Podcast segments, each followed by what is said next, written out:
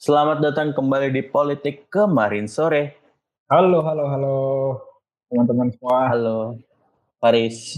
Yo, di penghujung bulan Ramadan, Yes. apakah Anda terkurung di kantor? Iya, nih gue malah mendekati epicentrum COVID. Eh, tapi lo tahu ini gak sih eh, berita, bukan berita jatuhnya, himbauan baru tanggal 6 kemarin, eh, pemerintah ngeluarin larangan udah nggak ada lagi tuh mudik lokal atau wilayah aglomerasi. Kan awalnya tadi tuh ada beberapa wilayah yang dibolehkan ya, kayak Bandung Raya tuh boleh mudik lokal. Terus Jabodetabek. Terus Ya, kalau ya.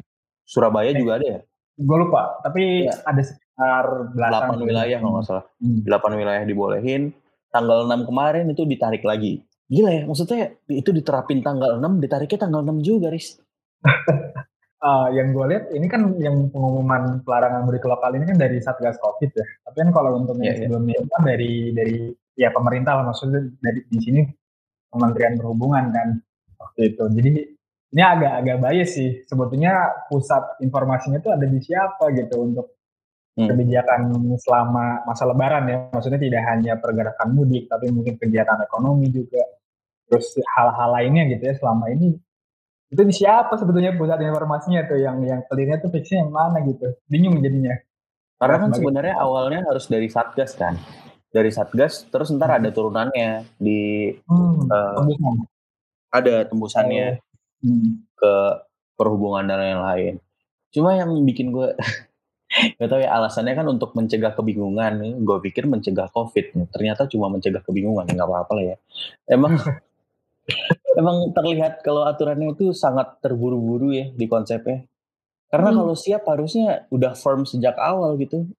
Kalau emang Nah, ribet itu. wilayah aglomerasi bisa ditegasin sejak awal boleh apa enggak gitu. ya dia pertama nggak menyeluruh kedua juga sudah yang gue bingung itu adalah ini mereka buat satu edaran atau keputusan tuh bareng-bareng nggak sih rapatnya gitu ya Nah benar. pemerintah pusat Kementerian Perhubungan Kementerian Ekonomi mungkin ya terus juga Kementerian Kesehatan. Wisata Kesehatan dan juga Satgas ya khususnya karena spesifik Hmm. di penanganan COVID-nya ini rapatnya terpisah apa gimana gitu gue nggak tahu ya gue ngecek YouTube-nya Seskap gimana tuh ya bingung jadinya ini yang mana gitu kan kayak nggak ada integrasi kayak jadi bergeraknya ya silo aja masing-masing gitu dengan mungkin Iya. dengan biaya masing-masing dengan intensi atau kejaran di bulan ini gitu ya Yang menarik sebenarnya seperti yang kita bahas di episode sebelumnya. Hmm. Emang narasi masyarakat kan udah bergeser kan dari yang awalnya marah-marahin orang yang mudik, sekarang jadi simpati sama orang yang disuruh putar balik kalau ketangkep razia gitu. Iya iya banyak yang lagi viral tuh yang ini yang apa eh, ada seorang perempuan yang harus pulang karena memang udah tidak punya pekerjaan di tempat merantaunya Iya, kan. Terus juga ada yang sepasang suami istri dan anaknya yang harus jalan kaki ternyata. Mur- Ada yang satu murni jalan kaki, ada yang satu karena mobilnya ditahan. itu, itu antara kasihan sama ya bapak gimana dong sulit jadi aduh ya lu- lucu juga sih cerita cerita di tahun ini ya di tahun ini Dianggap mereka jadi kayak kena sial gitu aja, Riz. Karena Iya. banyak hal-hal yang lainnya yang dibolehin, dilepasin oleh pemerintah. Hmm. Banyak juga yang lolos mudiknya, midik-mindik ya. Hmm. Ini, ini bagian orang-orang sial aja nih yang disuruh putar balik. Lanjut, lanjut. gua gua ini apa gua dapat informasi juga di di Bandung ya misalnya gini jadi kalau lu dari dari ini rumah gua misalkan di Bandung Barat ya Hmm, hmm. nah kemudian mobil orang tua kan masih plat B kan karena KTP Depok jadi kalau misalnya gua masuk ke tol Cimahi yang terdekat ketika masuk ke tol salah satu pintu tol di kota Bandung itu Hmm. diputar balikin dan Oh berdasarkan plat nomor. Iya, nah ini juga pembahasannya itu di, di, di yang lebih teknikal di polisi mungkin ya. Tapi itu Hmm. kan nggak disebutkan di apa di adendumnya ataupun dari surat edarannya Satgas ya. Iya, iya. Nah ini kayak gini-gini juga kan jadinya masyarakat bingung kan ini kok terlalu banyak bintangnya gitu ketentuannya gitu. Problematik sih karena emang maksudnya yang tinggal di Jakarta berapa persen sih yang KTP-nya Jakarta kan banyak Iya, yang nggak balik KTP belum kan berarti. Iya, Iya, iya. akhirnya cuma pakai apa surat keterangan domisili biasanya paling. jadi jumpa ke RT, makin banyak interaksi hmm. di tempat RT, jadi epicentrum baru nih rumah-rumah RT sekitarnya. Yes. uh, tapi narasi kasihan tidak hanya diarahkan kepada orang-orang yang dihalau mudik, juga hmm. kepada pegawai-pegawai KPK yang dituntut mundur atau mengundurkan diri atau dipecat belum jelas sih statusnya hmm. karena tidak lolos tes wawasan kebangsaan. Apa sebenarnya serius maksudnya? Ini tuh lucu banget lagi nama tesnya aja lucu. Pak ini banget ya apa pemerintah banget gitu ya. Iya, kosong banget lah. iya. Jadi ternyata tes ini itu adalah bagian ini dan hasil dari revisi Undang-Undang KPK beberapa tahun yang lalu kayak gitu. Nah ini udah mulai diimplementasikan karena udah turun sampai dari apa peraturan pemerintah terus juga peraturan KPK tentang pengalihan status pegawai KPK yang sebelumnya itu tidak wajib seorang ASN sekarang dijadikan ASN. Gitu. Yang ini ini pun sudah memicu apa pro kontra kan karena kok KPK yang dulu kayaknya dicetak untuk sebagai lembaga independen gitu ya karena mengawasi pemerintah hmm. akhirnya kok jadi satu badan kan kan gitu. Ini ya, jadi mirip dengan bahasan kita yang kemarin soal ya, benar. nah akhirnya ada sekitar 1.300 yang dites yang akan dialihkan sebagai ASN dan ternyata ada 75 pegawai KPK yang tidak memenuhi syarat tadi karena gagal lolos ketika tes wawasan kebangsaan. Yang mana katanya ya ini ini juga belum clear sih. 75 orang ini seluruh siapa saja tapi isunya adalah pegawai-pegawai terbaik lah kayak gitu. Dan salah satunya adalah Pak Novel Baswedan. Makanya yeah, yeah, yeah. rame banget gitu kan yeah, di yeah, yeah. awal berita ini gitu. Nah itu sih. Dan memang ketika ketika di kita lihat ya berbagai statement gitu ya termasuk beberapa seperti apa ya, mantan wakil ketua KPK terus juga kemarin juga Pak Febri ya ex jubir juga. Ya, ya, ya. banyak berkomentar dia berapa kali bikin tweets di Twitter gua baca ya, juga gitu. benar kontroversinya itu memang sebetulnya di materi juga sih di materinya. Ini gua nyatet jadi ada artinya ada 20 pertanyaan uh, pernyataan yang perlu dijawab diberikan sikapnya gitu ya. Jadi setuju nggak setuju gitu ya atau sesuai atau nggak sesuai dan juga ada sembilan pertanyaan esai kayak gitu. Nah ini gue gue gue pengen bacain deh beberapa. Uh, satu eh satu.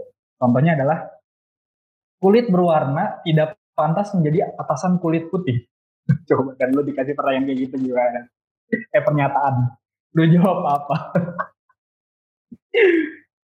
Jawaban yang diharapkan tidak setuju gak sih? Atau gimana sih?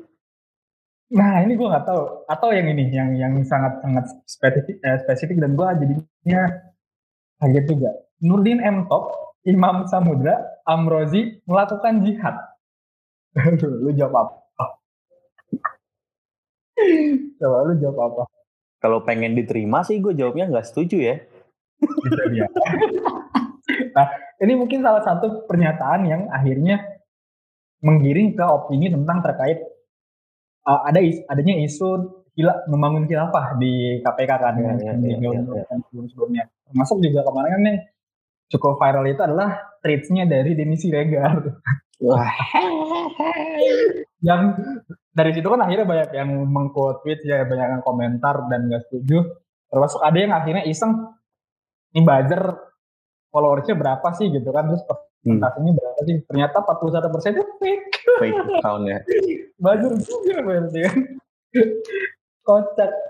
Itu kayak itu beberapa pernyataan yang yang aneh. Terus ada juga misalnya hak kaum homoseks harus di, tetap dipenuhi. Aduh ini kan pernyataannya kan ini banget ya. Yeah. nggak nggak nggak itu gimana ya? Bukan sesuatu bukan sesuatu yang lu bisa dijawab dengan lu setuju atau enggak gitu. Ya yeah, ya yeah. Nah, harus. ada ya. salah argumennya apa gitu kan? Benar benar benar ini mirip makin mirip sama soal PDP ya. Bedanya kalau KPK itu tentang hmm. ketalibanan hmm. kalau dari PDP tentang kepapuaan. Oh yang itu gara-gara apa? Ini Proma sama Veronica. Veronica. Tapi menurut gue nggak perlu lah yang dites itu wawasan kebangsaan. Yang maksudnya iya. tingkah lakunya aja anjir nasionalis apa enggak? Maksudnya mereka kan kerja gitu wawasan nggak nggak gitu penting kan mereka nggak lagi ikut cerdas cermat empat pilar kebangsaan gitu ya hmm. Pak Novel tuh sampai kehilangan cacat permanen loh. Masih mau Hmm. ditanyain lagi nasionalismenya tuh gimana sih? Iya, Kalau emang mau bikin tes, harusnya yang dites tuh Pak Firly tuh. Kenapa bisa buka puasa sama bos perusahaan yang kasusnya lagi dipegang KPK ya kan? Itu dites nasionalismenya harusnya. Nggak, gue juga maksudnya mikir kenapa ukurannya harus harus tes seperti ini ya? Apakah itu Iya, iya. masih masih relevan gitu? Kenapa nggak dengan dengan apa ya? Case study misalnya kayak gitu dengan Hmm, kasus korupsi, hmm, langkahnya setuju, apa yang mau diambil, apa pandangannya gitu kan? Ya, ya. Itu kan benar-benar melihat intelijensinya juga kan misalnya. Kalau Ya. kayak gini apa ya? Bingung juga gue. Esainya pun aneh-aneh dan ini gue gue bacain topik-topiknya. Ada tentang OPM, terus Oh, Masih DITI, ada juga Papua ya? DKI, HTI, FPI, Uh. Rizik Sihab, narkoba, kebijakan pemerintah dan LGBT. Waduh. Uh, gimana ini? Ini pertanyaannya katanya apa tanggapan kamu tentang pem- pembubaran FPI dan HTI? Wah, Lu bener soal PDP sih ini, Riz. Sumpah. Eh, taruh eh, PDP itu siapa eh, untuk apa yang stakeholder yang terlibatnya dalam Ya, lembaganya. Kan PDP punya lembaga sendiri kan, di bawah kemen yang ngurus beasiswanya itu. Bro, nggak ada kerjasama. Nah, kalau untuk third party gue kurang tahu tuh. Hmm. Kayaknya kalau Oh. pakai third party ini satu party ya, harusnya ya. Nah, kalau TWK ini yang terlibat itu ada BIN, terus ada Badan Intelijen Strategisnya TNI, Pusat Intelijennya TNI AD, Dinas Psikolog TNI AD, dan Genpretek. Jadi Tidak heran, tidak heran, tidak heran. Soal-soal yang dihasilkan, aduh, gitu. Jadi, aduh ini emang gue juga bingung sih. Dan ini juga ada satu satu apa satu hal juga yang akhirnya apa jadi kontroversi itu adalah ada isu materi TWK ini sedikit mengecewakan perempuan. Kemarin gue baca dari dari salah satu artikel. oh iya iya, ada pertanyaan seperti ini untuk untuk calon pega- untuk pegawai perempuannya. Misalnya, kenapa belum menikah? iya Ya iya. Allah, apakah masih punya hasrat anjir? Ini kepo banget sama hidup manusia ya Allah. Iya, aduh. Kok dari pertanyaan yang lo, lo bacain nggak ada yang berkaitan sama KPK ya, Riz ya? Kalau gua nggak salah dengar ya? Gimana ya? Maksudnya kan kita punya keluarga, kita punya kehidupan profesional kan. Yang mana maksudnya Iya, untuk iya. dan ini kan kita ya udah profesional lah. Pagi ini kan istilahnya cuma pengalihan status kan. Orang masih Iya, di, di apa ya masih di agak diragukan gitu kan istilahnya jadinya. Iya. Bingung gua. Uh. Gitu sih. Ampun deh, nggak tahu deh nih. Makanya jadi rame kan hari ini. Udah KPK mendingan mati sekalian gitu kan ada ada statement-statement kayak gitu. Yang itu tuh, ada tweet yang dibangun di bawah tindasan 32 tahun otoriter, bubar di bawah lima tahun orang baik. ada tweet itu. Kalau nggak salah ya. Iya iya iya, gue lihat maksudnya kalau tes kayak gini tuh kalau nggak lulus juga sedih nggak sih Riz? nggak lulusnya sama pertanyaan-pertanyaan kayak gitu Iya makanya. dan Hmm. kita kayaknya nggak bisa apa-apa ya kalau misalnya KPK masih going through pakai skema tes ini dan akhirnya yang nggak Hmm. lulus tuh dipecat-pecat apa yang bisa kita lakukan nggak ada ya karena ini Hmm. masuknya udah mekanisme internal kan Iya, karena kan ini juga amanat undang-undang kan. Walaupun kemarin pas gue baca kan putusan akhirnya ada di pimpinan KPK. Jadi walaupun di sini misalnya nggak lulus, katanya mungkin ada satu ke- ada sebuah kebijakan yang akhirnya memperbolehkan gitu. Jadi kayak di loskan aja. Ada yang bilang kayak gitu. Eh, Pak Firi atau siapa ya gue lupa yang ngomong gitu. oh mungkin ini Iya. saatnya si dewan pengarahnya itu berperan kali ya Bisa jadi. sudah lama tidak terdengar nih Hmm. Dewan Pengarah Hmm, KPK. kan. Ya itu dia kecewaan minggu ini yang berhasil kita kumpulkan ya Riz ya itu aja kali ya Riz ya episode kali ini ya Riz ya Hmm. Tuh. singkat aja Eh, karena kita kalau panjang-panjang juga nggak mengubah tingkat kekesalannya tetap sama ya Iya. jadi ya disingkat aja Akan lah terlalu, terlalu banyak kata kotor nanti. Eh, selamat merayakan Idul Fitri, teman-teman. Terima kasih sudah mendengarkan episode ini. Selamat merayakan Idul Fitri, Bapak Faris. Yo, Eh, semoga dan ya semoga bisa bertemu keluarga dan lolos dari razia kalian.